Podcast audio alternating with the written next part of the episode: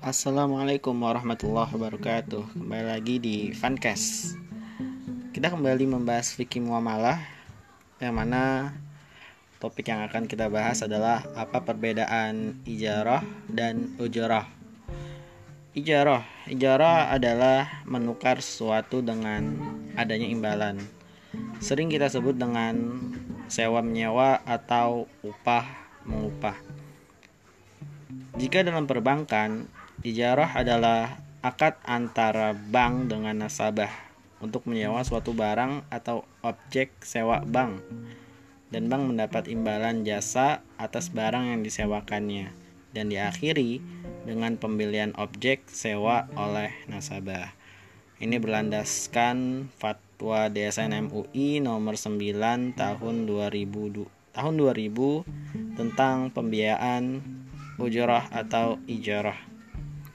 Kemudian ujrah atau upah adalah harga yang dibayarkan kepada pekerja atas jasanya dalam produksi kekayaan seperti faktor produksi, tenaga kerja yang diberikan, imbalan atas jasanya, dan lain-lain. Upah dapat didefinisi sebagai harga yang dibayarkan pada pekerja atas pelayanannya dalam memproduksi kekayaan. Tenaga kerja seperti halnya faktor produksi lainnya dibayar dengan suatu imbalan atas jasa-jasanya. Dengan kata lain, upah adalah harga tenaga kerja yang dibayarkan atas jasa-jasanya dalam produksi. Upah atau ujroh dapat diklasifikasikan menjadi dua.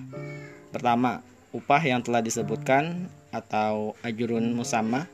Yang kedua, upah yang sepadan ajrun mitsli. Upah yang telah disebutkan ajrun musama itu syaratnya ketika disebutnya ketika disebutkan harus disertai kerelaan kedua belah pihak yang bertransaksi. Sedangkan upah yang sepadan adalah upah yang sepadan dengan kerjanya sesuai dengan kondisi pekerjaannya. Jika akad ijarahnya telah menyebutkan jasa manfaat kerjanya. Yang menentukan upah tersebut adalah mereka yang mempunyai keahlian atau kemampuan untuk menentukan bukan standar yang ditetapkan negara, juga bukan kebiasaan penduduk suatu negara, melainkan oleh orang yang ahli dalam menangani upah kerja ataupun pekerja yang hendak dipekerjakannya. Upah adalah imbalan yang diterima seorang atas pekerjaannya dalam bentuk imbalan materi dunia dan dalam bentuk imbalan pahala di akhirat, yakni imbalan yang lebih baik.